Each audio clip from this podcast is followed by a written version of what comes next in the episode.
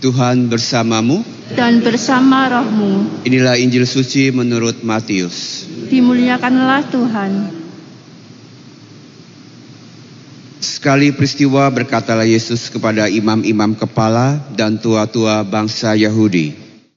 Dengarkanlah perumpamaan ini. Ada seorang tuan tanah membuka kebun anggur dan membuat pagar sekelilingnya. Ia menggali lubang tempat memeras anggur dan mendirikan menara jaga di dalam kebun itu. Kemudian ia menyewakan kebun itu kepada penggarap-penggarap lalu berangkat ke negeri lain. Ketika hampir tiba musim petik, ia menyuruh hamba-hambanya kepada penggarap-penggarap itu untuk menerima hasil yang menjadi bagiannya. Tetapi para penggarap menangkap hamba-hambanya itu yang seorang mereka pukuli, yang lain mereka bunuh. Dan yang lain lagi mereka lempari dengan batu. Kemudian Tuhan itu menyuruh pula hamba-hamba yang lain lebih banyak daripada yang semula. Tetapi mereka pun diperlakukan sama seperti kawan-kawan mereka. Akhirnya Tuhan itu menyuruh anaknya kepada mereka, katanya, anakku akan mereka segani. Tetapi ketika para penggarap melihat anak itu, mereka berkata kepada mereka berkata seorang kepada yang lain, Inilah ahli warisnya, mari kita bunuh dia supaya warisannya menjadi milik kita. Dan mereka menangkap dia dan melemparkannya keluar kebun anggur itu, lalu membunuhnya. Apabila tuan kebun anggur itu datang, apakah yang akan dilakukannya dengan penggarap-penggarap itu? Kata imam-imam kepala dan tua-tua bangsa Yahudi kepada Yesus. Ia akan membinasakan orang-orang jahat itu dan kebun anggur itu akan disewakan kepada penggarap-penggarap lain yang akan menyerahkan hasil kepadanya pada waktunya. Kata Yesus kepada mereka, "Belum pernahkah kamu baca dalam kitab suci batu yang dibuang oleh tukang-tukang bangunan telah menjadi batu penjuru? Hal itu terjadi dari pihak Tuhan, suatu perbuatan ajaib di mata kita." Sebab itu, aku berkata kepadamu, kerajaan Allah akan diambil dari kamu dan akan diberikan kepada suatu bangsa yang akan menghasilkan buah kerajaan itu. Demikianlah sabda Tuhan. Terpujilah Kristus. Di bulan Oktober ini, di bulan Rosario, setiap pagi di gereja ini diadakan doa Rosario. Saya yakin di setiap lingkungan juga ada pertemuan lingkungan yang diisi dengan kegiatan berdoa Rosario. Jadi apa itu doa Rosario? Tentu kita semua tahu bahwa Rosario itu berasal dari bahasa Latin rosa yang artinya bunga mawar. Sehingga Rosario artinya untayan atau mahkota bunga mawar. Jadi setiap untayan, setiap doa salam Maria itu ibarat bunga mawar. Sehingga apabila kita berdoa satu kali rosario, maka bunga mawar itu menjadi sebuah rangkaian, menjadi sebuah mahkota bunga mawar yang indah. Jadi bunga mawar ini kita persembahkan kepada Tuhan, kepada terutama kepada Bunda Maria sebagai wujud cinta kita kepada Bunda Maria dan bentuk pengabdian kita kepada Tuhan. Karena di dalam doa, doa rosario, setiap peristiwa, setiap misteri itu melambangkan kebesaran dan karya keselamatan Tuhan. Sehingga harapannya seperti undangan Bunda Maria, mengapa kita harus berdoa rosario. Jadi kalau kita baca cerita atau sejarah penampakan Bunda Maria, Bunda Maria mengajak kita untuk berdoa, terutama berdoa rosario, supaya perdamaian di dalam dunia ini bisa terwujud, kejahatan bisa dikalahkan dengan kuasa doa, dan terutama hidup kita bisa selalu berada dalam damai dan dijauhkan dari segala tantangan. Tentu sekarang pertanyaannya adalah, mengapa walaupun kita ini rajin berdoa rosario, tantangan dan cobaan dan juga masih banyak hal yang tidak kita inginkan terjadi di dalam dunia ini. Mengapa masih ada perang, masih ada kejahatan, masih banyak penderitaan di dunia ini. Tentu kalau kita lihat bunga mawar, seindah-indahnya bunga mawar pasti ada durinya. Jadi hal ini mengingatkan pada kita bahwa duri bunga mawar ini harus kita usahakan supaya tidak lagi melukai kita. Kita berdoa bunga, rosario, kita memberikan bunga mawar, tetapi kita juga harus siap terluka oleh durinya. Duri ini apa Bapak Ibu? Duri ini bisa terjadi oleh karena kesalahan kita sendiri maupun kesalahan yang disebabkan oleh orang lain. Dalam bacaan pertama kita lihat bahwa Allah telah memberikan segala kemurahan hatinya kepada kebun anggur. Kebun anggur ini adalah melambangkan diri kita, umat Israel. Dalam bacaan pertama tadi sudah dijelaskan, tapi sayangnya manusia ini tidak mau berbuah Mengapa bisa terjadi karena manusia ini masih hidup dalam dosa, tidak mau percaya kepada Allah. Sehingga Allah menghukum mereka karena mereka tidak mau bertobat. Sedangkan dalam bacaan Injil hari ini kita melihat bahwa kita ini diundang untuk menjadi penggarap-penggarap kebun anggur Tuhan.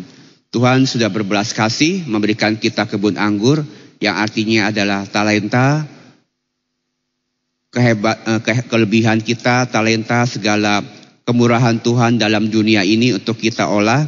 Tapi manusia ini karena begitu sombong, begitu serakah sehingga manusia ini tidak mau berbagi kepada sesama maupun mengandalkan Tuhan lagi yang adalah sang empunya. Jadi apa undangannya Bapak Ibu dan saudara saudara yang terkasih?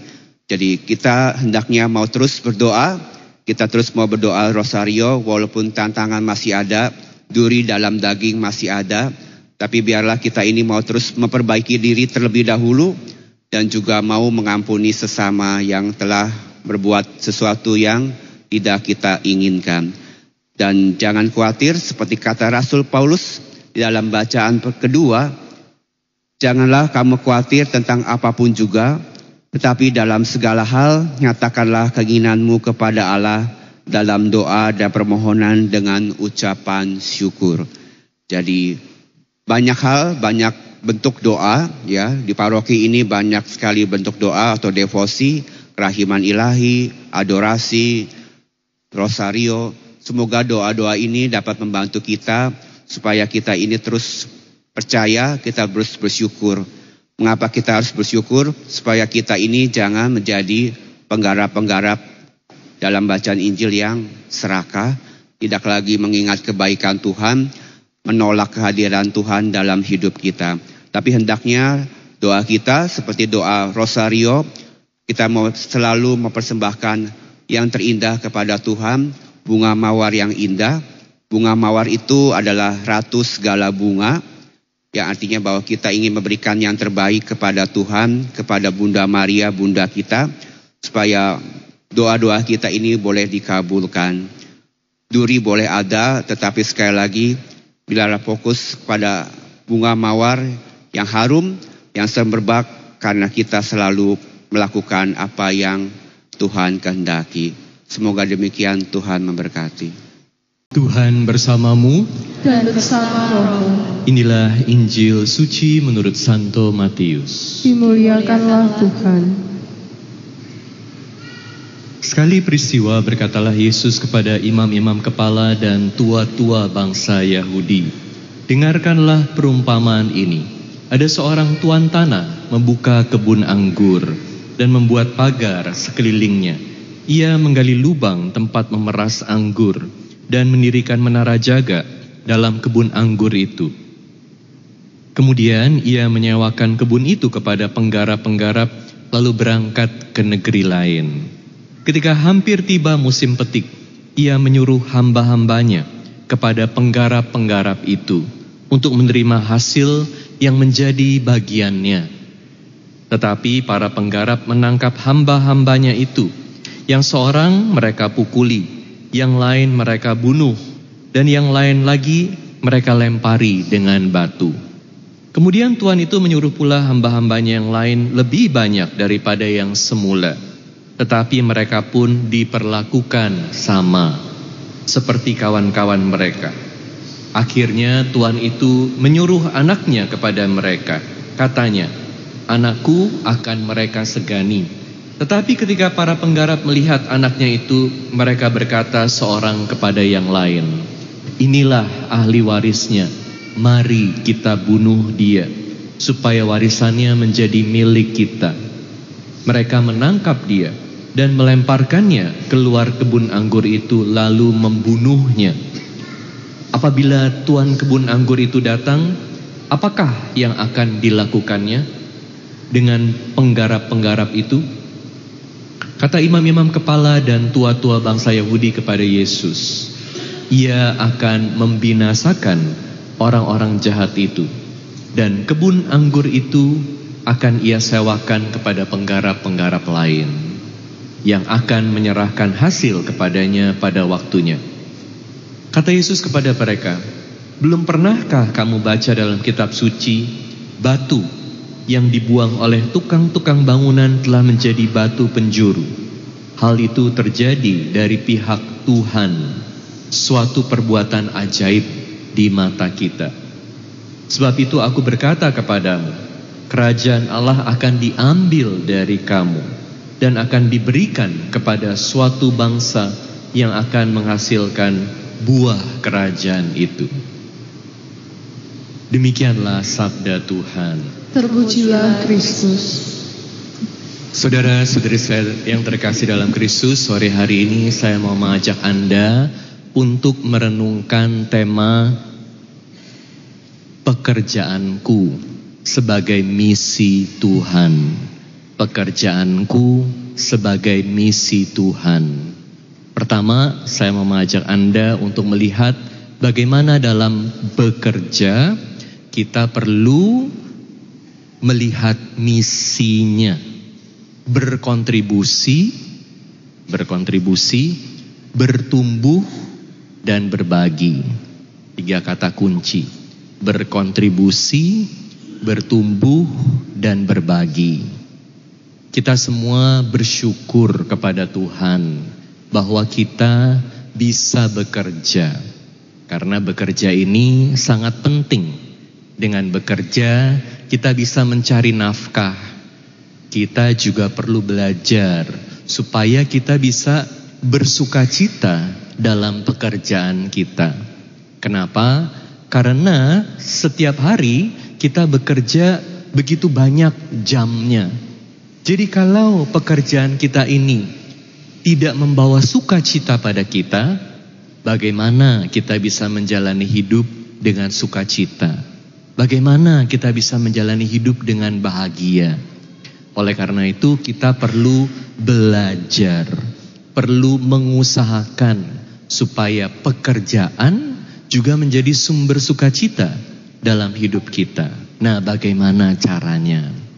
Seringkali pekerjaan ini dikuasai oleh keserakahan. Seperti dalam bacaan Injil, kita mendengar para penggarap kebun anggur yang sudah diberkati oleh sang pemilik kebun anggur, ini bukannya bekerja dengan baik dan bersyukur, tetapi malah begitu serakah sehingga tidak mau memberikan kontribusi pada pemilik kebun anggur. Jadi supaya kita dalam bekerja bisa dipenuhi dengan sukacita, kita perlu belajar melihat bagaimana aku bisa berkontribusi membangun masyarakat yang lebih baik, membangun keluarga yang lebih baik, membangun perusahaan yang lebih baik. Cari arti dari pekerjaan kita. Apa artinya? Sehingga kita bisa bekerja dengan semangat. Kalau kita melihat tujuan dari pekerjaan kita, bagaimana kita bisa membuat orang lain jadi lebih baik, perusahaan jadi lebih baik, keluarga jadi lebih baik, masyarakat jadi lebih baik, kita juga kerja dengan semangat. Karena kita melihat bahwa apa yang kita kerjakan ini tidak sia-sia. Tapi berkontribusi buat kebaikan orang lain. Dan semakin besar kontribusinya, semakin jelas kontribusinya, kita juga akan semakin semangat dan semakin sukacita. Satu hari ada sekelompok orang-orang yang kerja sebagai kuli bangunan. Ditanya, apa yang kamu lakukan? Orang yang pertama katakan, yang saya lakukan tiap hari itu adalah menyusun bata dan di semen. Itu yang saya lakukan. Orang kedua ditanya, apa yang kamu lakukan? Tiap hari saya bangun dinding. Ternyata yang kedua lebih semangat dari yang pertama. Orang ketiga ditanya, kamu lakukan apa tiap hari? Hal yang sama yang dia lakukan. Tapi dia katakan, aku membangun rumah. Orang ketiga lebih semangat karena dia melihat dengan lebih jelas apa yang dia lakukan, tujuannya apa. Orang yang keempat ditanya, "Apa yang kamu lakukan?"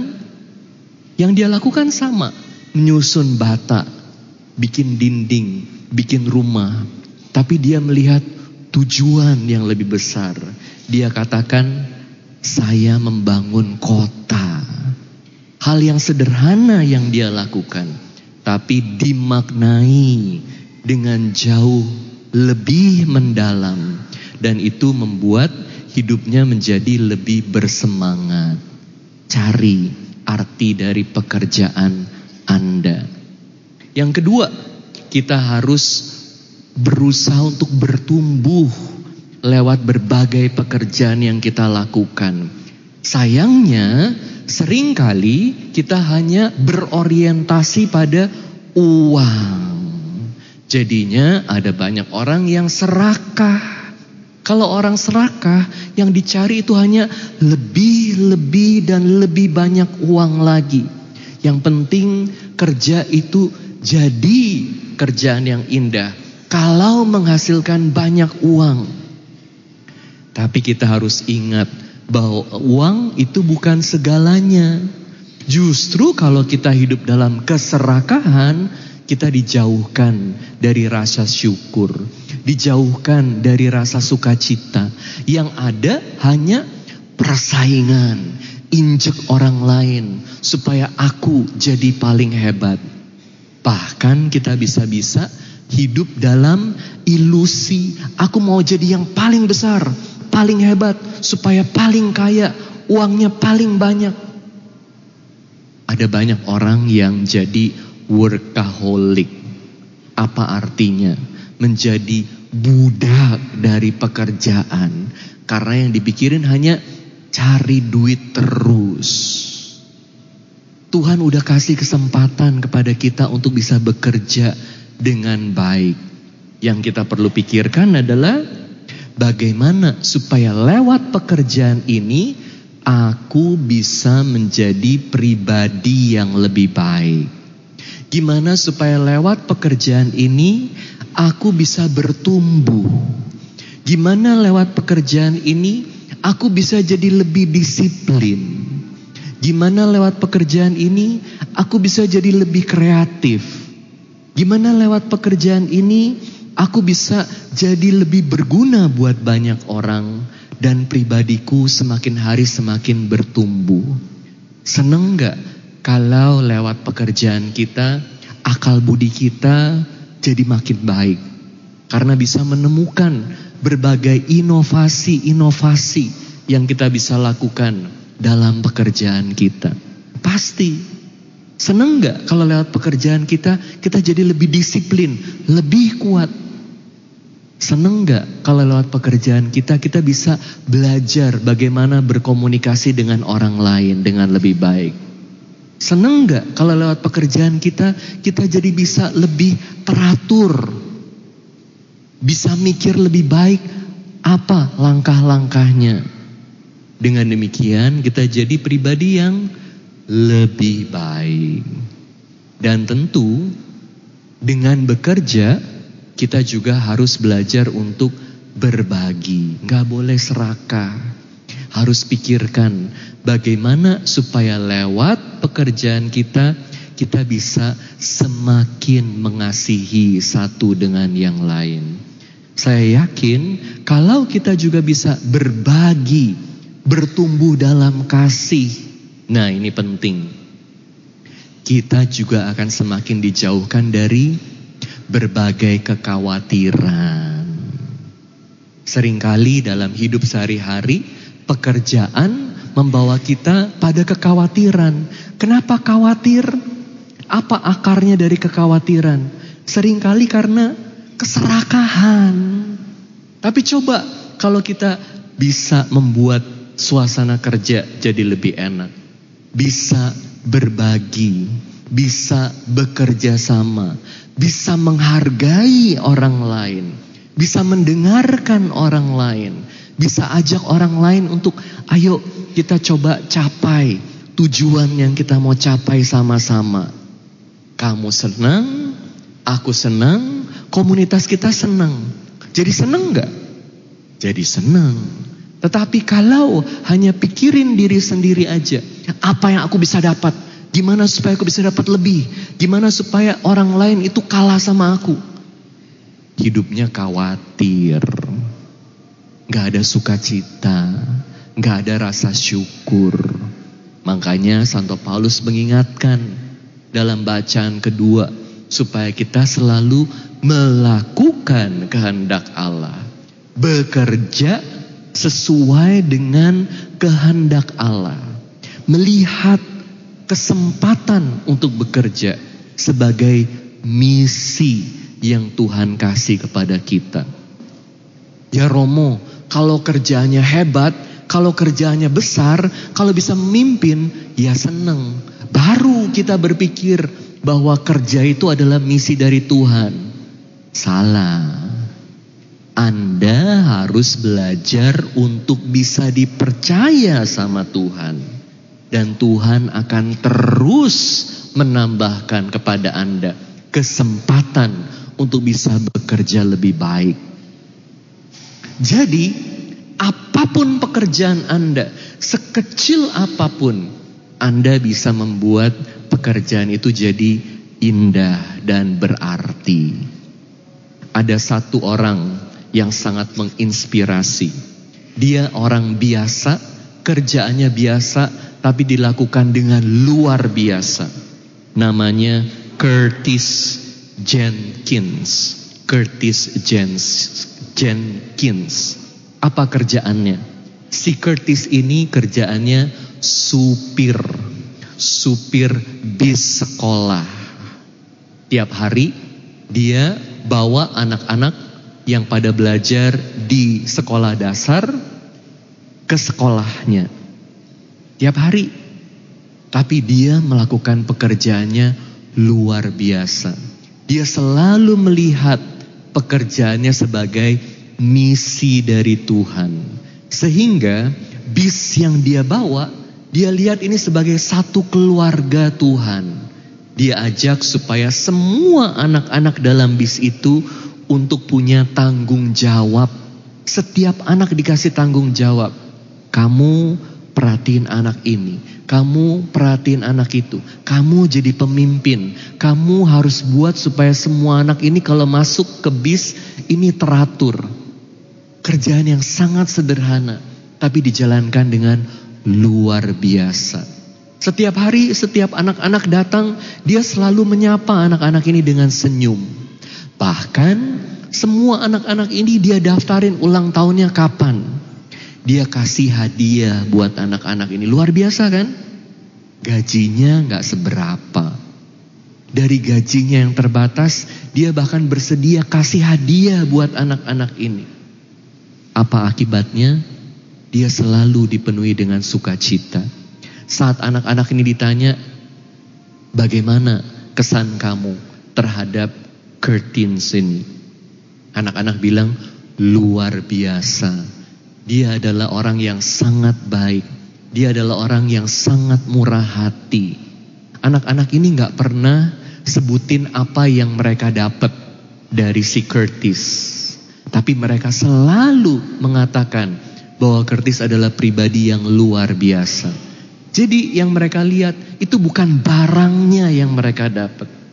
Yang mereka lihat adalah kebaikan dari si Curtis ini. Ada satu anak yang katakan, papa mama saya itu cerai waktu saya masih umur 4 tahun. Tapi Curtis ini adalah figur ayah yang luar biasa. Kalau saya mau dapat ayah, saya mau punya ayah seperti dia.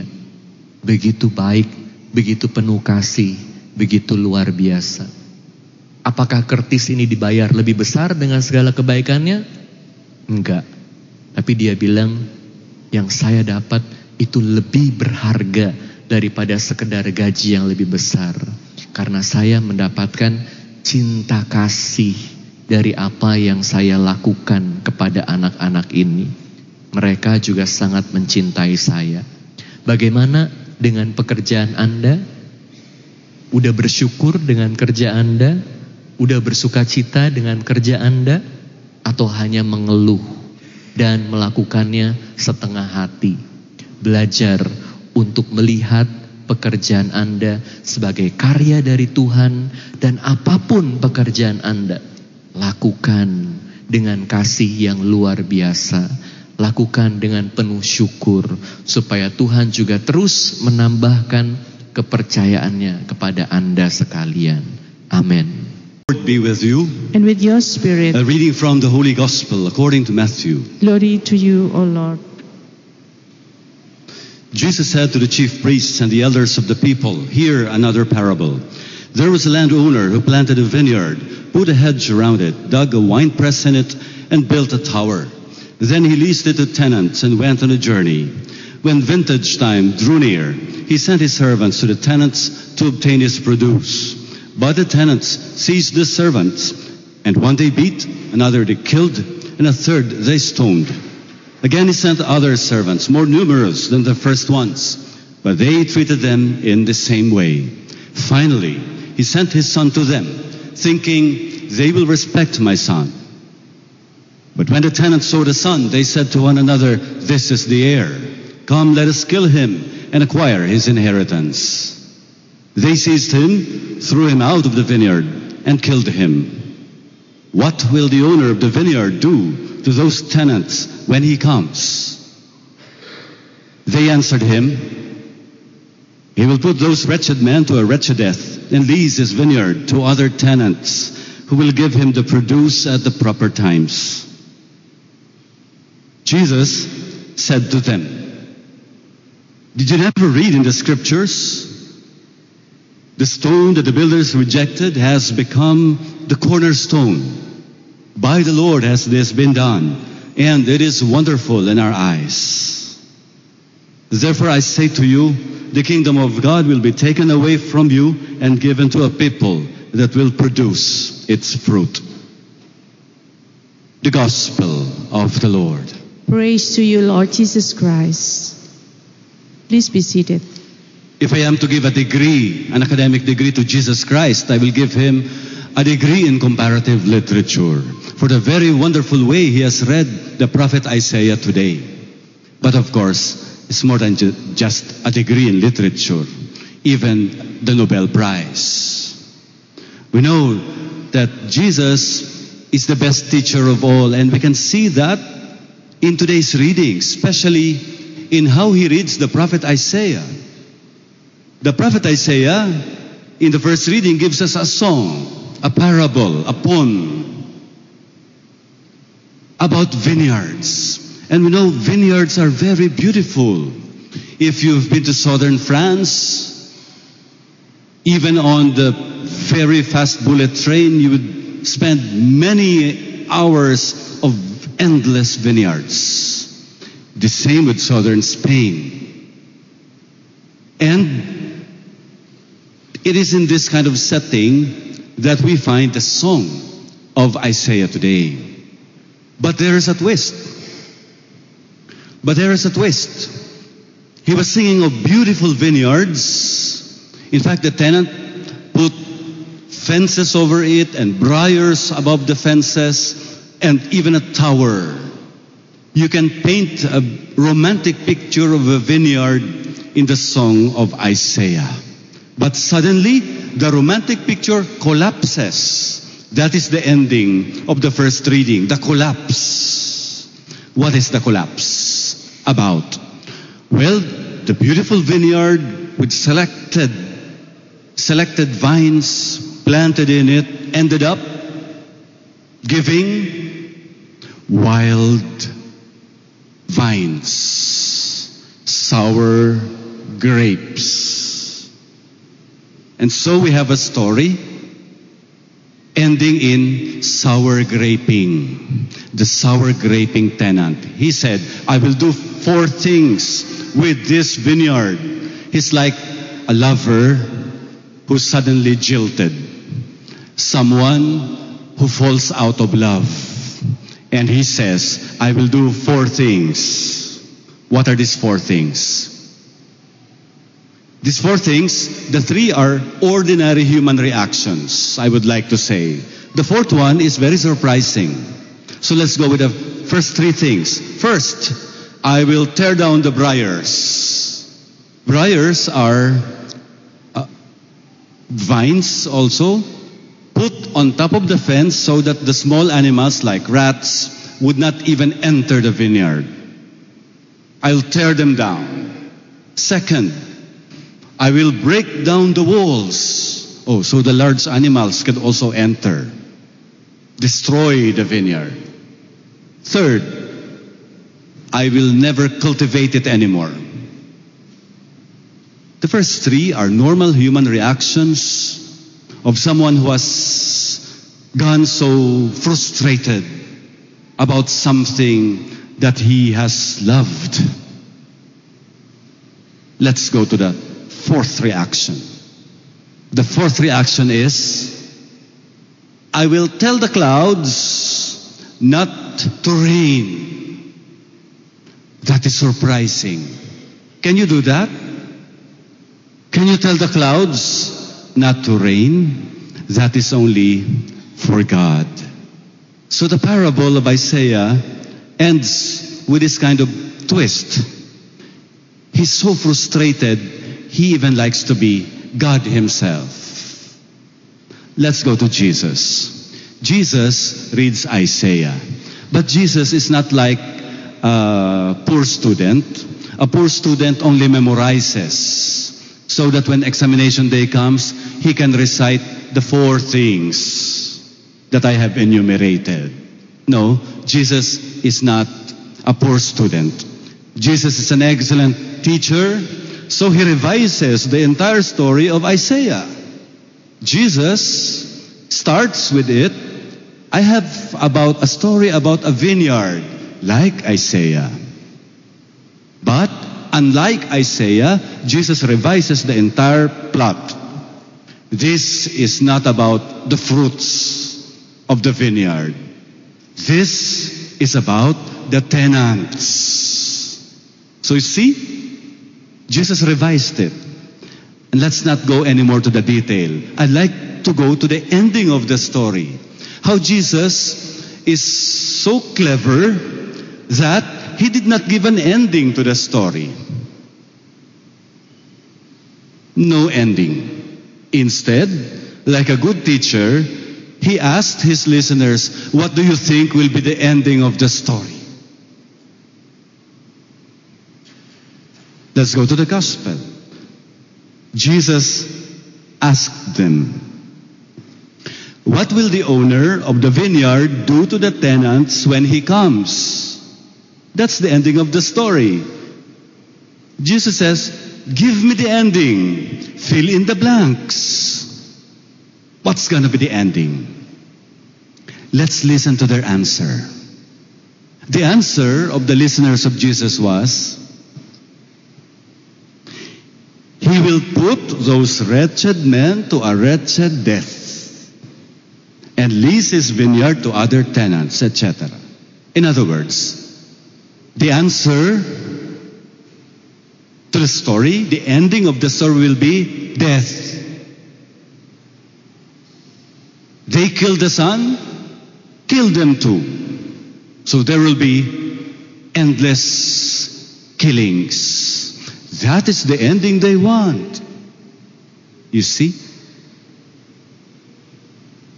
So this is the time for Jesus to teach them.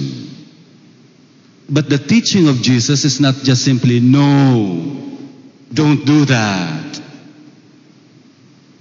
The teaching of Jesus is another parable. Jesus says, Have you never read the scriptures? The stone which the builders rejected has become the cornerstone and it is wonderful in our sight. Jesus here summarizes Isaiah and his own reading of Isaiah. Isaiah, who says, The Son was sent, and yet they killed the Son. Jesus says, What do you think will they do? Oh, they will also kill those who killed the Son. That is the human reaction. Like the frustrated tenant, destroying all the walls, invoking even the clouds. If you invoke the clouds not to rain, there will be famine all over the land. The problem of one vineyard has become the problem of the entire country. Let there be famine everywhere. Isn't it the same with his answer to Jesus? Let there be killing everywhere. What is the solution?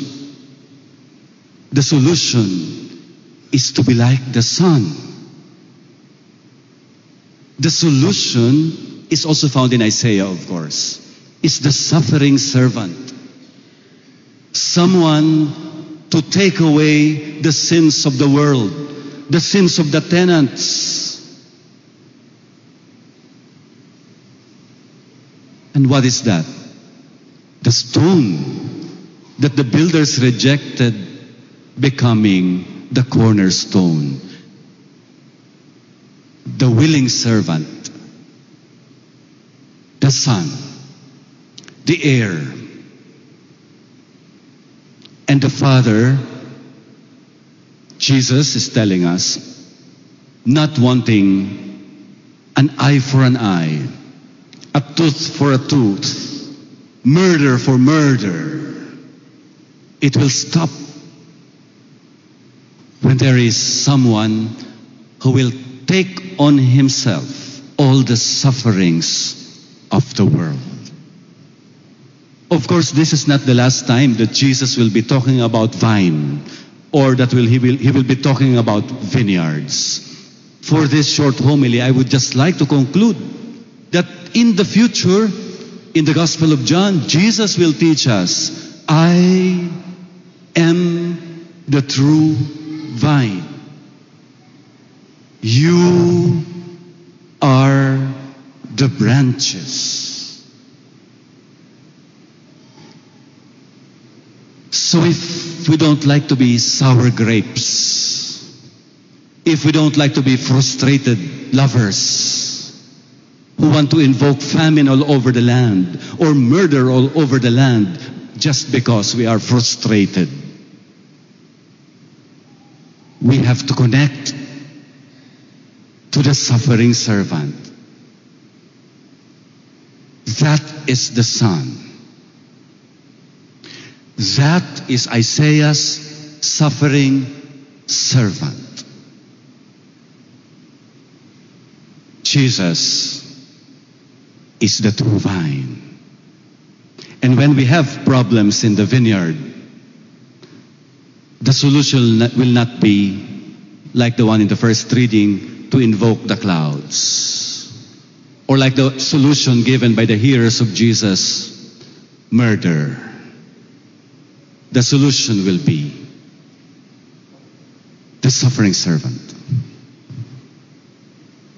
the true vine. And if we connect our lives to Him, we become His branches. And isn't it wonderful in our sight? Tuhan bersamamu. dan bersama rohmu. Inilah Injil suci menurut Santo Matius. Dimuliakanlah Tuhan. Sekali peristiwa berkatalah Yesus kepada imam-imam kepala dan tua-tua bangsa Yahudi, Dengarkanlah perumpamaan ini. Ada seorang tuan tanah membuka kebun anggur dan membuat pagar sekelilingnya. Ia menggali lubang tempat memeras anggur dan mendirikan menara jaga di dalam kebun itu. Kemudian ia menyewakan kebun itu kepada penggarap-penggarap lalu berangkat ke negeri lain. Ketika hampir tiba musim petik, ia menyuruh hamba-hambanya kepada penggarap-penggarap itu untuk menerima hasil yang menjadi bagiannya. Tetapi para penggarap menangkap hamba-hambanya itu, yang seorang mereka pukuli, yang lain mereka bunuh, dan yang lain lagi mereka lempari dengan batu. Kemudian Tuhan itu menyuruh pula hamba-hamba yang lain, lebih banyak daripada yang semula. Tetapi mereka pun diperlakukan sama seperti kawan-kawan mereka. Akhirnya Tuhan itu menyuruh anaknya kepada mereka katanya, Anakku akan mereka segani. Tetapi ketika para penggarap melihat anaknya itu, mereka berkata seorang kepada yang lain, Inilah ahli warisnya. Mari kita bunuh dia, supaya warisannya menjadi milik kita. Mereka menangkap dia dan melemparkannya keluar kebun anggur itu, lalu membunuhnya. Apabila tuan kebun anggur itu datang, apakah yang akan dilakukannya dengan penggarap-penggarap itu? Kata imam-imam kepala dan tua-tua bangsa Yahudi kepada Yesus, yang akan membinasakan orang-orang jahat itu dan kebun anggur itu akan ia sewakan kepada penggarap-penggarap lain yang akan menyerahkan hasil kepadanya pada waktunya. Kata Yesus kepada mereka, belum pernahkah kamu baca dalam kitab suci, batu yang dibuang oleh tukang-tukang bangunan telah menjadi batu panjuru. Hal itu terjadi dari pihak Tuhan, suatu perbuatan ajaib di mata kita. Sebab itu aku berkata kepadamu, kerajaan Allah akan diambil dari kamu dan akan diberikan kepada suatu bangsa yang akan menghasilkan buah kerajaan itu. Demikianlah sabda Tuhan. Terpujilah Kristus.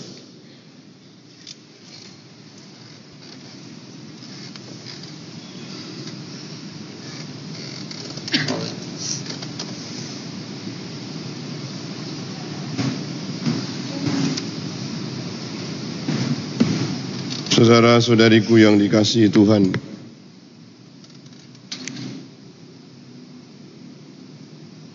Teristimewa para asisten imam paroki yang sudah dipersiapkan. Ya kalau pantas-pantasnya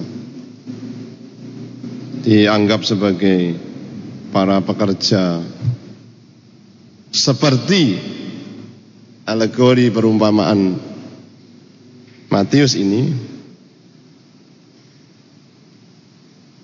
kita bukan orang-orang yang dipukuli atau dibunuh atau bukan orang yang memukuli dan membunuh. Kita orang yang membaca teks ini sebagai sebuah peringatan atas tindakan-tindakan kita sehari-hari. Kalau kebun anggur Tuhan itu adalah Israel, umat di paroki Redemptor Mundi ini apakah juga kebun anggur Tuhan? Jawab dengan mantap, iya, kami adalah kebun anggur Tuhan. Gak usah ragu-ragu lagi. Karena Israel baru ada juga di sini. Orang-orang yang mengikuti jejak Yesus Kristus.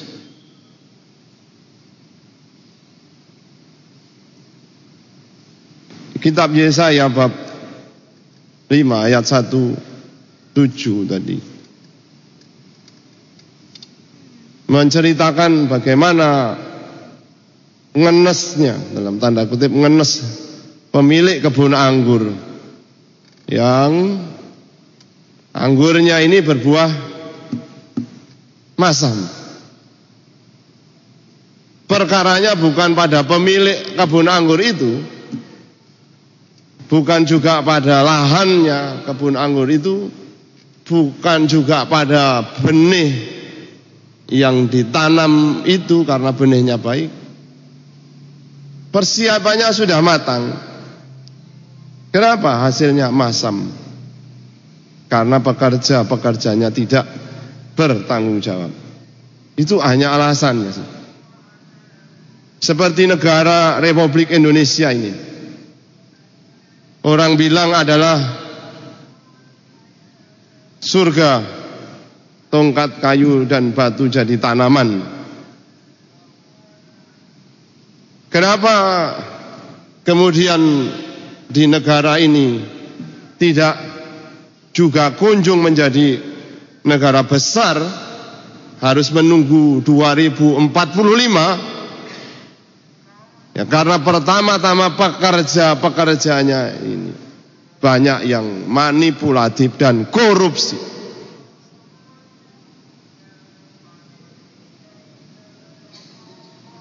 Saya yakin paroki Redemptor Mundi bukan lahan yang seperti itu. Karena saya tanya kepada Romo Jose itu tadi. Berapa kali Anda misa di paroki ini dalam Sabtu Minggu. Delapan kali. Oh berarti sembilan kali dengan pagi hari. Itu perayaan Ekaristi hari Sabtu Minggu. Jika ada perkawinan tentu akan bertambah Ini adalah pekerjaan menggarap lahan kebun anggur.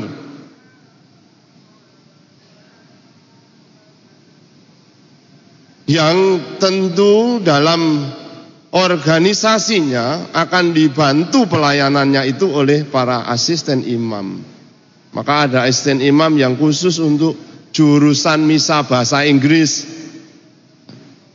ada yang khusus untuk jurusan misa bahasa Mandarin. Ini bukan hanya sekedar pelayanan, tetapi ini adalah sebuah pekerjaan rohani yang tentu tidak mendapat struk gaji. Wah, namanya pekerjaan rohani. Dan itu dilakukan setiap satu minggu dan ada rule-nya, ada jadwalnya dan ada koordinator bidangnya. Seperti orang mengerjakan sebuah pekerjaan dalam ya kalau boleh dikatakan sebagai kebun anggur ya ini kebun anggur paroki Redemptor Mundi. Orang yang datang ke kebun anggur ini adalah orang-orang yang merayakan imannya. Mulai dari hari Senin sampai Minggu ada banyak pekerjaan rohani. Bahkan ada jam 3 sore koronka. Hari Kamis ada adorasi. Lalu dilanjutkan dengan misa. Dan masih banyak pekerjaan-pekerjaan dibuat di sini yang orang tentu mengharapkan hasilnya tidak masam. Hasilnya itu adalah baik. Kita juga tidak akan membahasakan di sini akan ada perebutan tanah milik kebun anggur Jangan berpikir seperti itu kualat. Karena tidak ada istilah seperti ini. Maksud dari perumpamaan yang dibacakan oleh Injil Matius itu tentang Tuhan Yesus yang berhadapan dengan imam-imam kepala, orang-orang Farisi dan ahli-ahli Taurat. Dan Jika kita mau membahasakan itu di paroki, sungguh tidak masuk akalnya paroki ini. Tetapi kita mau membahasakan bagaimana orang yang menolak pemilik kebun anggur ingin menguasainya itu loh. Seperti orang yang menolak kehadiran Allah dalam dirinya. Seperti orang yang menolak kehadiran pelayanan-pelayanan sakramental dalam dirinya.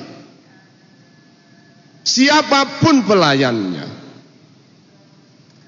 karena dia membawakan pelayanan sakramental, dia bertindak in persona Christi di dalam pribadi Kristus. para imam sebagai pelayan sakramental. Dia bertindak sebagai Kristus. Asisten imam adalah namanya asisten itu adalah pembantu para imam. Dan jangan tersinggung dengan istilah kata pembantu ini. Karena asisten imam bukan menggantikan imam, dan jangan tersinggung jika dikatakan demikian.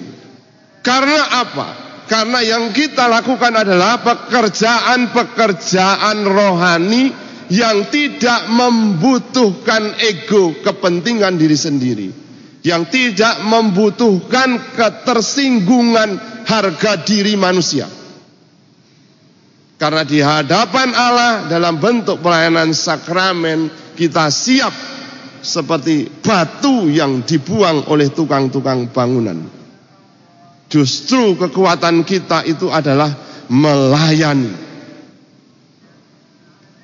Karena kita memiliki kekuatan yang tidak ditemukan di dunia ini. Kekuatan kita itu adalah melayani orang.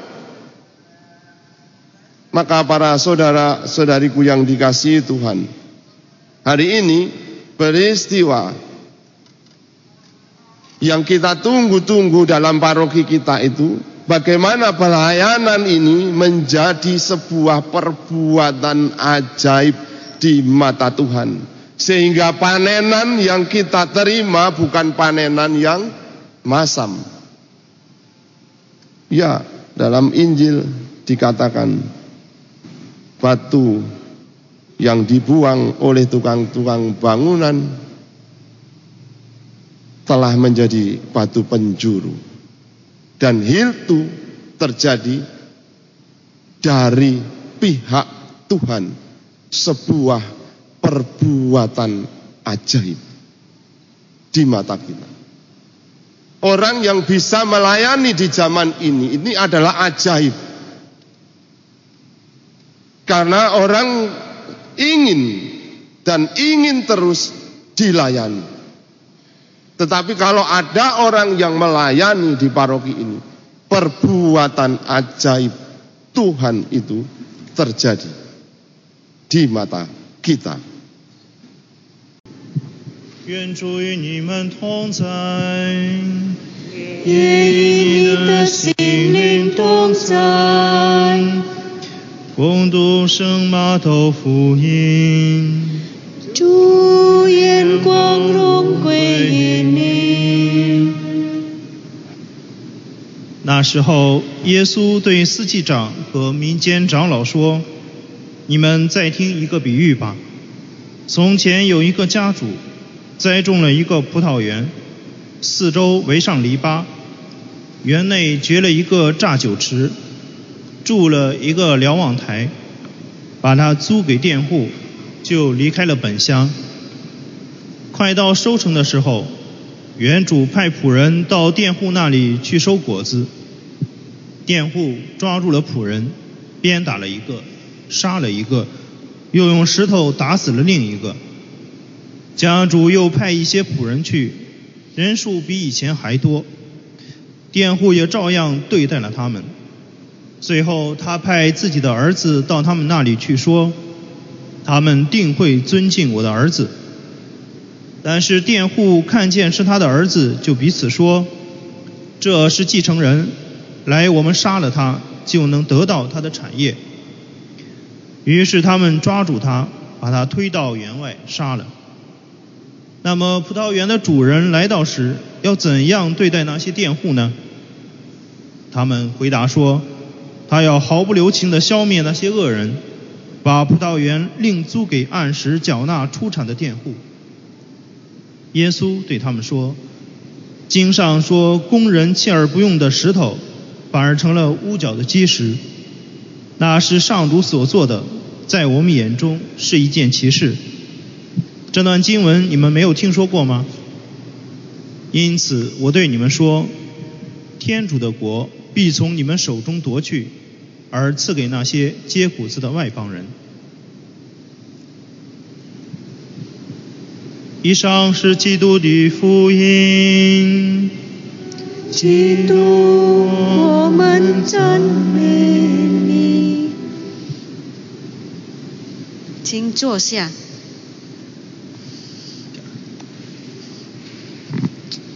这个刚才看着谱子，还把这个最后的给唱错了，导致歌咏团嗯没能回答上哈。那以后我要嗯把这个多练一些哈，因为这个嗯歌谱不一样。嗯，主内的各位弟兄姐妹，大家下午好。嗯，欢迎大家能够来到呃阿普莱 M 哈参加今天的弥撒。啊，今天是常年期第二十七主日。啊，今天想跟大家分享的是，呃，人的贪婪和天主的宽恕。你看，我们一说起人的这个贪婪，啊，不知道大家看不看 Compass TV 啊？就这边我们我在那个 GAB 里边住着的时候啊，我们每天都看三次电视啊，就是早中早中晚吃饭的时候。三个人坐到一起，啊，他们两个特别喜欢政治，啊，所以就看这个 Compass TV 里边都是关于政治的，啊，时不时会爆出一些这个新闻，嗯，前一阵子有关于两个人去拍婚纱照，嗯，他拿着那个，呃，烟火烟火筒啊，为了制造这个效果，呃，拍婚纱嘛，你要制造出那种，呃，美丽幻觉、魔幻的那种感觉，啊，所以就拿着那个。制作效果，结果就把后边的呃山给点着了。那点着了，这几个人还挺高兴哈，若无其事的。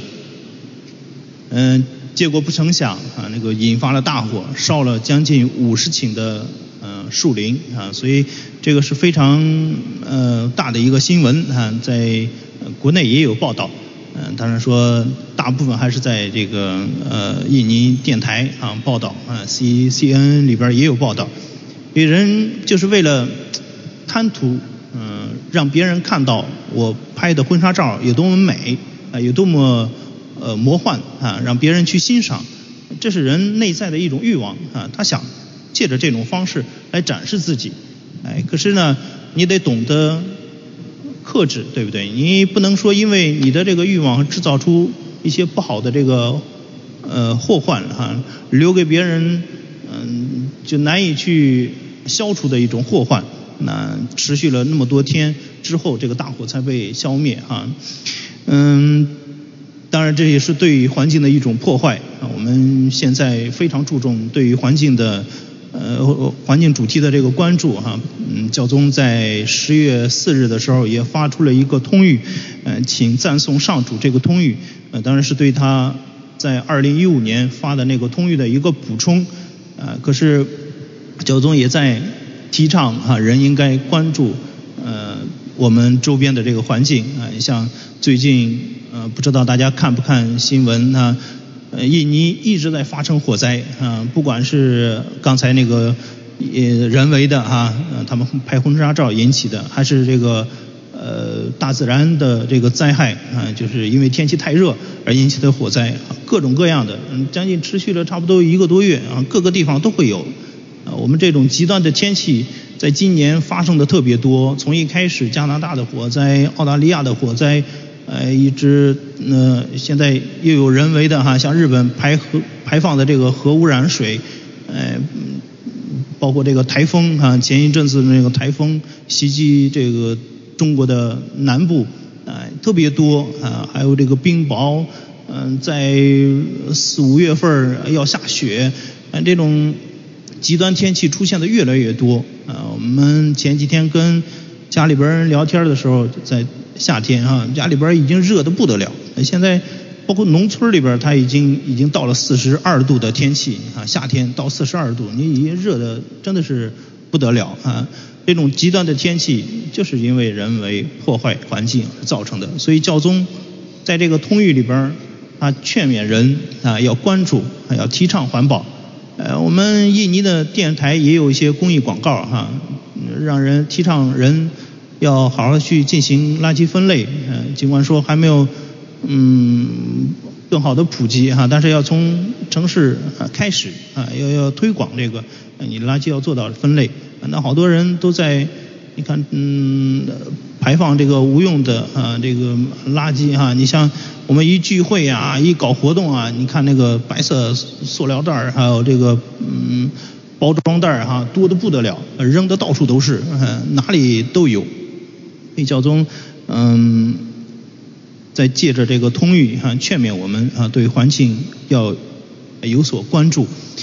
那他在嗯讲的这个同时啊，就探讨出人他的这个贪婪啊。我们人如果不贪婪的话，哎，不去想拥有更多的话，呃，不去想为自己着想更多的话，因为自私哈贪婪，就不会造成这些破坏。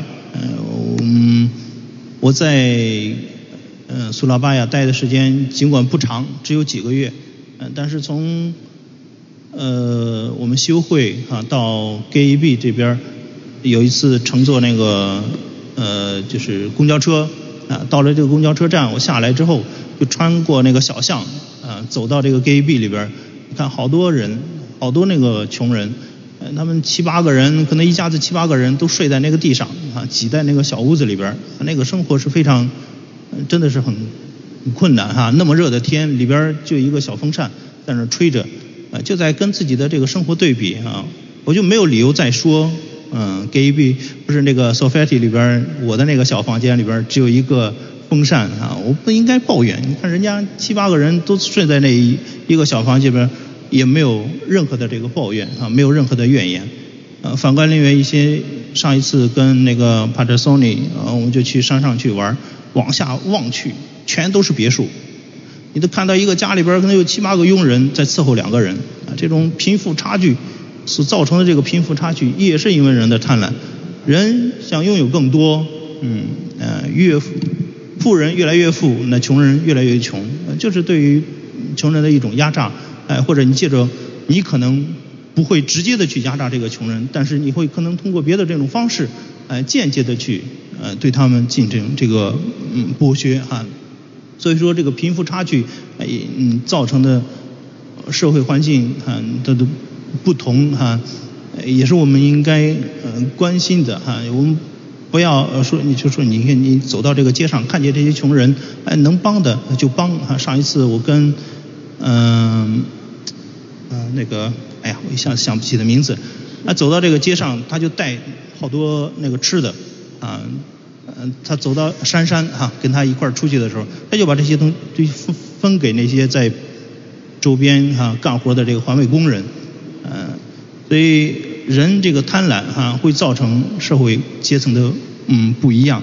那在今天的这个福音当中。啊，讲了这么多，归到这今天的这个福音当中，耶稣借用葡萄园这个比喻，呃，来警示后代的人。嗯，你看读经一当中，我们听到哈，关于葡萄园的这个赞歌啊，伊撒伊亚先知啊，他借着这个葡萄园的颂歌来赞，因为原主天主他是很爱这个人的哈，所以他见到这个葡萄园的时候。特别拣选这个以色列子民哈，所以葡萄园就是以色列子民哈，为他围上这个篱笆，掘了榨酒池，呃，掘了这个土啊，对他细心的照顾。可是呢，反过来他不听从天主的命令啊，以色列一一直呃，包括耶勒米亚先知哈，他在记述当中说，自从这祖先出了埃及之后，就一直违背天主的诫命啊，我。天主从早到晚派遣他的这个先知来告诉人、警戒人，但是人呢就把这些先知给用剑杀死，用镣铐绑着放到监狱里边，啊，用石头砸死啊。那人对于天主诫命的这个反感啊，是从不间断的啊，包括一直到现在也一样。人因为自己的欲望，他去反对天主，可是呢，天主从来不愿意去舍弃人，所以他就一直派人啊，派先知啊，甚至最后派他自己的儿子啊，就像今天福音当中所读到的一样啊，佃户佃户的这个比喻，嗯，家主派他的仆人。去收这个，呃，收佃户的这个子产，但是呢，佃户他不但不听，还把这些仆人给杀掉。最后天主派他的儿子过去，哎，说这些人必定会敬重我的儿子，啊，但是呢，家主想错了，这些人，哎，把他儿子给杀掉。但是呢，即便去杀掉，哎，虽然人类拒绝天主的计划，但是天主却可以用不同的方式来达到自己的目的。即使他们去杀害天主的儿子，但是也不能让天主把人看成自己的敌人啊！所以天主对于人的这个爱，哎，是我们无法想象的啊！就零四年的时候有一个电影，有一部电影，大家可能都看过哈，就是呃《耶稣圣诞记》。那个导演叫叫叫什么来着？嗯，吉普森啊，叫吉普森这个导演。嗯，他在拍这个电影的时候，啊，在耶稣被钉到十字架上的时候，他呼喊，嗯，说，呃，你父啊，你宽恕他们嘛，因为他们不知道他们做的是什么。那这个呢，在圣经当中只记述了一遍，啊，但是他这个导演呢，呃，让呃演耶稣的这个演员说了两遍，啊，就别人。采访他的时候就问他说：“你为什么，呃，耶稣会说两遍呢？”嗯，他说：“耶稣可能在十字架上说了好多遍，嗯，就是要宽恕人，要宽恕人啊，因为人的这个嗯贪婪哈，人的这个自私，你看这些佃户，他把呃家主的儿子杀害之后，他的目的就是要占有这个葡萄园，啊，他的一个欲望大的不得了，嗯，所以人的这个贪婪，嗯。”在天主那里，啊，也显示出来。可是天主呢，却借着不同的方式来宽恕他。啊，以天主一直在宽恕，一直在宽恕。啊，包括以色列这个子民，到现在也一样。你看以色列子民所受的这个惩罚，那就是流荡，啊，就是战争。昨天以以色列和巴勒斯坦又开始打起来。啊，这个战争没无休无止。啊，所以有一千多人就受伤。啊，好多人也被。杀死哈，所以我们人哈应该反省自己的这个生活，嗯，不要无休止的去对大自然攫取，呃，无休止的去借着各种各样的方式来满足自己的欲望，呃，来满足自己的贪婪。呃，当我们想到天主对我们这些行为的宽恕的时候，呃，我们也要适当哎去反省自己的行为，应该停止哈，不然的话。所招致的这个惩罚，那就是自己的毁灭。嗯，我们讲，呃，我妈妈常常说一句话，就是说，哎，等不到天主惩罚人的时候，人就把自己给灭了。嗯，所以我们应该停止自己这种无休止的对大自然的攫取。看，要控制自己的这个欲望，哈，人要清心寡欲嘛，佛教讲的。哎，所以我们借着今天的比喻，哈，借着今天的福音。还要有一个适当的这个反省，嗯，尽管天主会宽恕我们，我们相信天主会宽恕我们，但是这不能作为我们犯罪、哎贪婪的一个理由啊！愿天主降福大家。Tuhan bersamamu dan bersama rohmu. Inilah Injil suci menurut Matius. Dimuliakanlah Tuhan.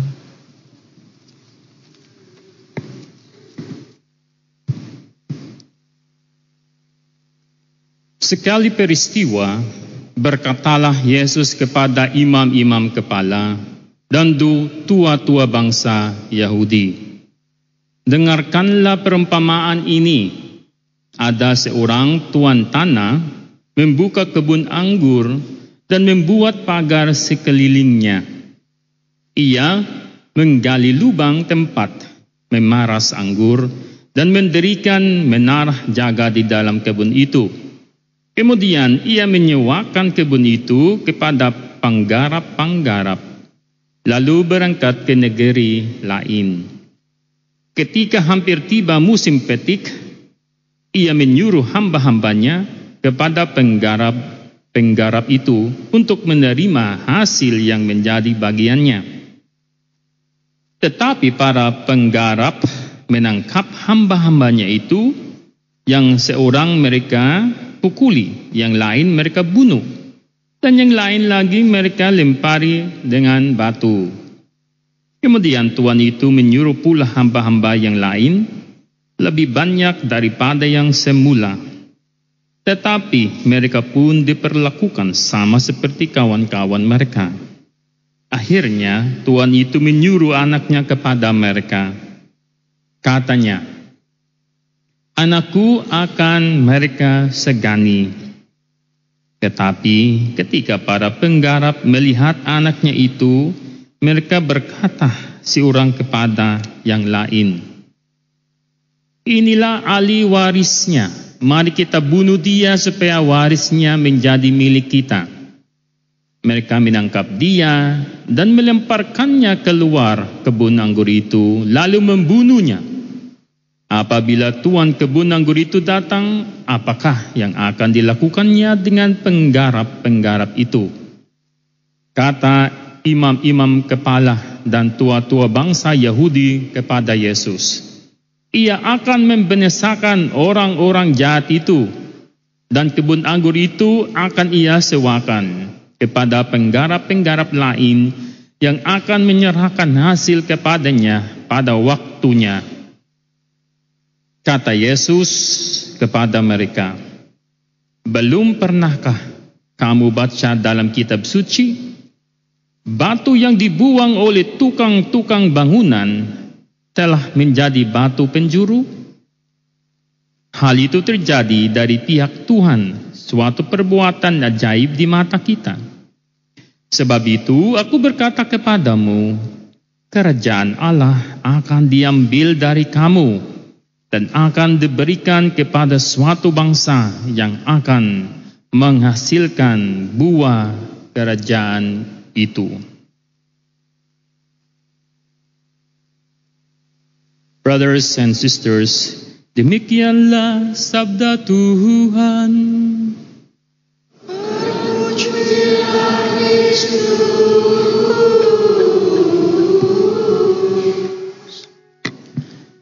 Selamat pagi semuanya.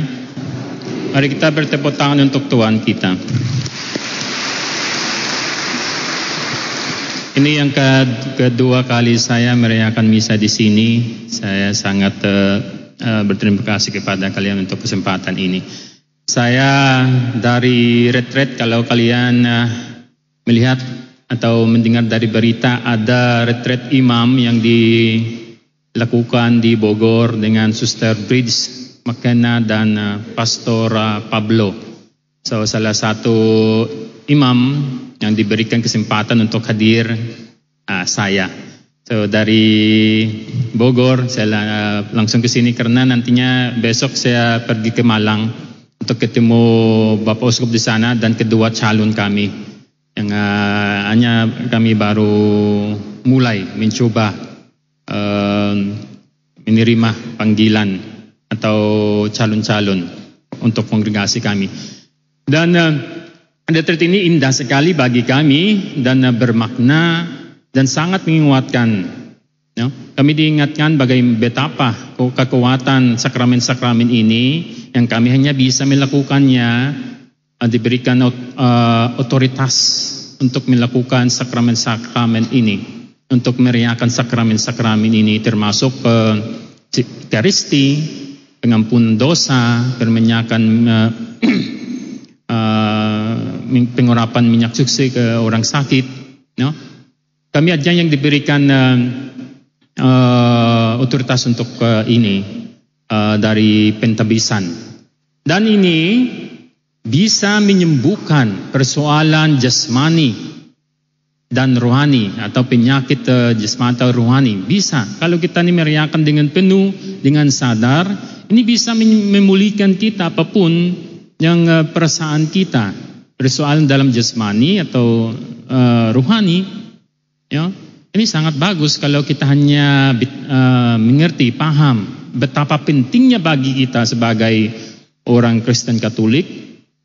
Kita untung sekali karena uh, kita bisa menerima semuanya ini. Ya, so ini juga kami diingatkan bagi kami khususnya harus dirayakan juga dengan tepat dengan baik uh, untuk umat-umat. Ya. Saya doakan pastor-pastornya sebetulnya kami ini masih mengalami berkekurangan untuk uh, menebarkan, meriakan sakramen-sakramen khususnya untuk uh, umat-umat yang saling membutuhkannya. Yang jauh-jauh ini, karena ini kami datang di sini nanti saya memperkenalkan diri saya bagi umat-umat yang belum tahu saya, belum kenal saya. So, saya orang asing, ya. Dan Ya, kita langsung ke renungan kita dari dari Injil kita. Kita mendengarkan bagaimana sikap-sikap uh, uh, penggara-penggara ini. Ya, sebelum Tuhan itu Tuhan uh, uh, kebun anggur itu, itu pergi ke negara lain.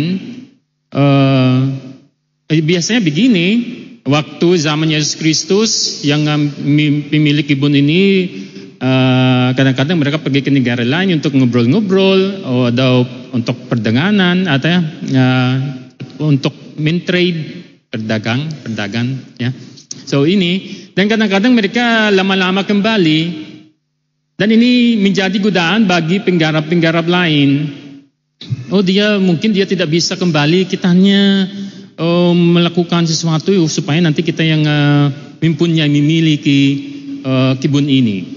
Ya, tapi uh, Tuhan ini kita mendengarkan bagaimana dia mengirim hamba-hambanya untuk menerima hasil baginya untuk dia. Tapi apa yang dilakukan? Berapa kali dikirim, semuanya dibunuh, pukul, dipukuli, apa? Pukuli, termasuk anaknya. Dia pikir anaknya di, dihormati atau disegani tapi tidak juga. Pastinya sebelum dia berangkat dia ada aturan-aturan juga yang diberikan kepada penggarap-penggarap itu. Tapi kadang mereka tidak menerima kadang kita begini juga saya beberapa ada teman yang beberapa yang membenci mereka membenci bagaimana uh, cara uh, gereja Katolik mengajar. Mereka membenci dan mereka tidak mau uh, berpartisipasi dalam uh, perayaan apa pun, dalam uh, kegiatan gereja Katolik. Mengapa? Karena mereka tidak membenci uh, langsung gereja sih, tapi tidak membenci aturan-aturan pengajaran gereja. Karena mereka melakukan apa yang tidak sesuai dengan pengajaran gereja. Bagi mereka, mereka mau gereja merubah aturan ini untuk mereka. Tapi pengajaran gereja sejak awal tetap. Dari awal, karena ini uh, ini dimastikan oleh uh, Tuhan ada yang membimbing, menuntun Roh Kudus untuk apa yang kebenaran yang diajarkan oleh Tuhan sampai sekarang sama.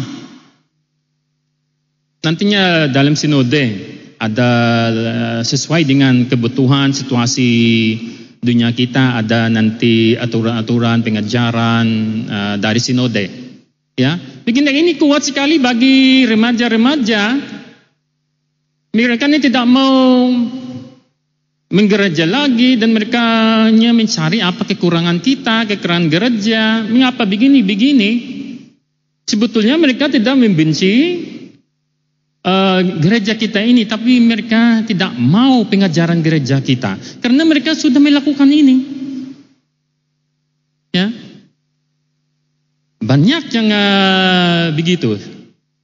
Kadang-kadang pikiran kita juga seperti remaja.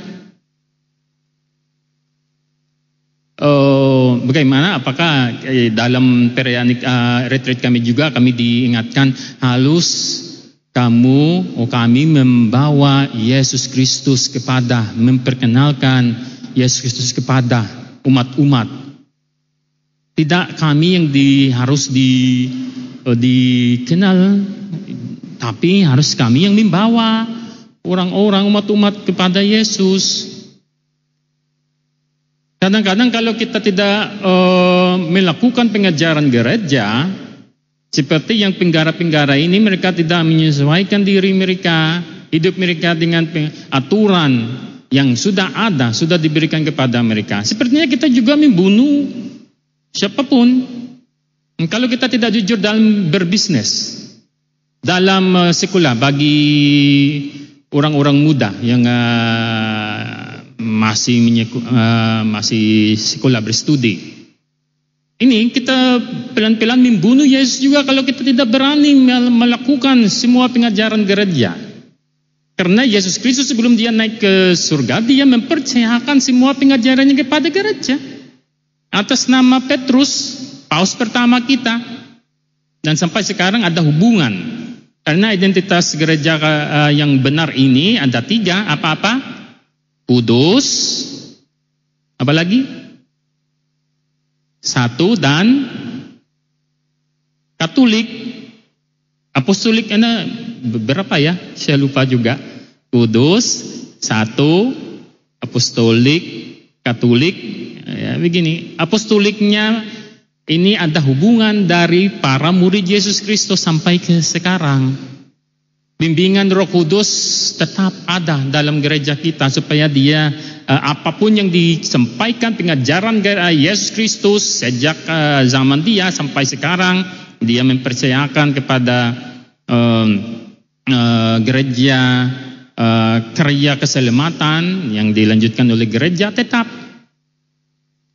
Kita untung beruntung sekali karena dia tidak hanya mempercayakan kepada gereja pengajarannya, dia mempercayakan juga supaya benar-benar umat-umat mengalami kehadiran Yesus Kristus sampai sekarang sakramen-sakramen. Khususnya sakramen sakristi, uh, ekaristi ini. Ya. So kalau kita nih sadar apa yang kita imani sebagai orang Kristen Katolik, benar-benar kita juga bisa menikmati dengan uh, penuh uh, keindahannya. Dia bisa menyembuhkan kita, memulihkan kita.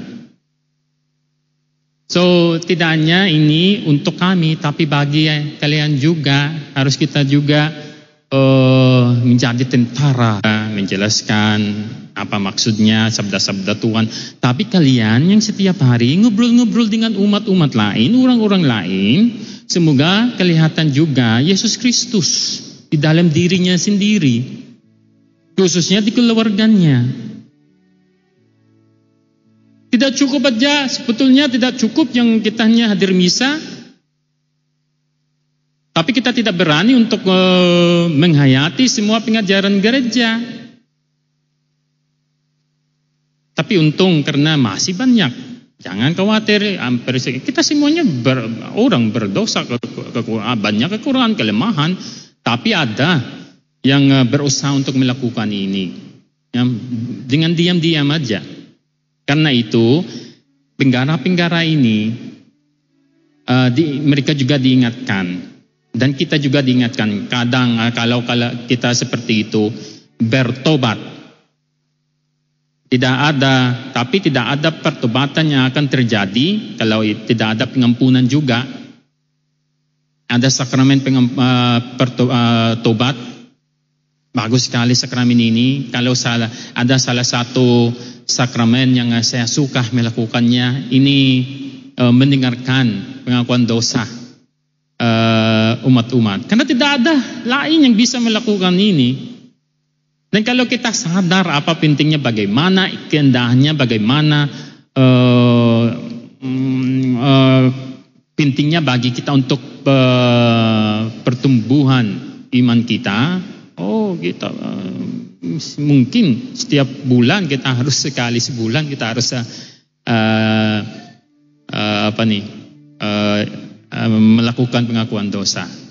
Bapak Ibu kita hari Minggu ini diingatkan juga um, peran kita, tugas kita sebagai umat. Uh, tidak hanya pastor-pastornya yang diminta untuk uh, memperkenalkan Yesus kepada umat-umat, tapi kalian, kalian yang di lapangan, harus kalian yang dengan berani melakukannya ini, dengan sadar, dengan uh, uh, apa nih, ya, dengan sadar, dan harus ini dimulai di antara keluarga-keluarganya di rumahnya masing-masing. Ya, kita tahu apa keluarga yang uh, ada hubungan dengan kualitas. Kita tahu kalau kita tidak mengalami ini, kita bertobat. Sakramen pertobatan ada. Meski misa ini ada juga kita bisa melakukan pertobatan kita. Oke, okay? so Bapak Ibu generasi ini kita harus berani, termasuk juga kaum muda untuk uh, mengayati uh, pengajaran gereja, pengajaran uh, Tuhan Yesus Kristus dengan beradi, uh, keberanian. Kalau ada situasi di depan kita, kita harus melakukannya. Lakukanlah, jangan takut.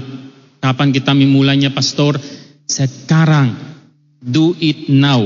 Jangan ke depan ke anunya. Do it now. Amin Bapak Ibu.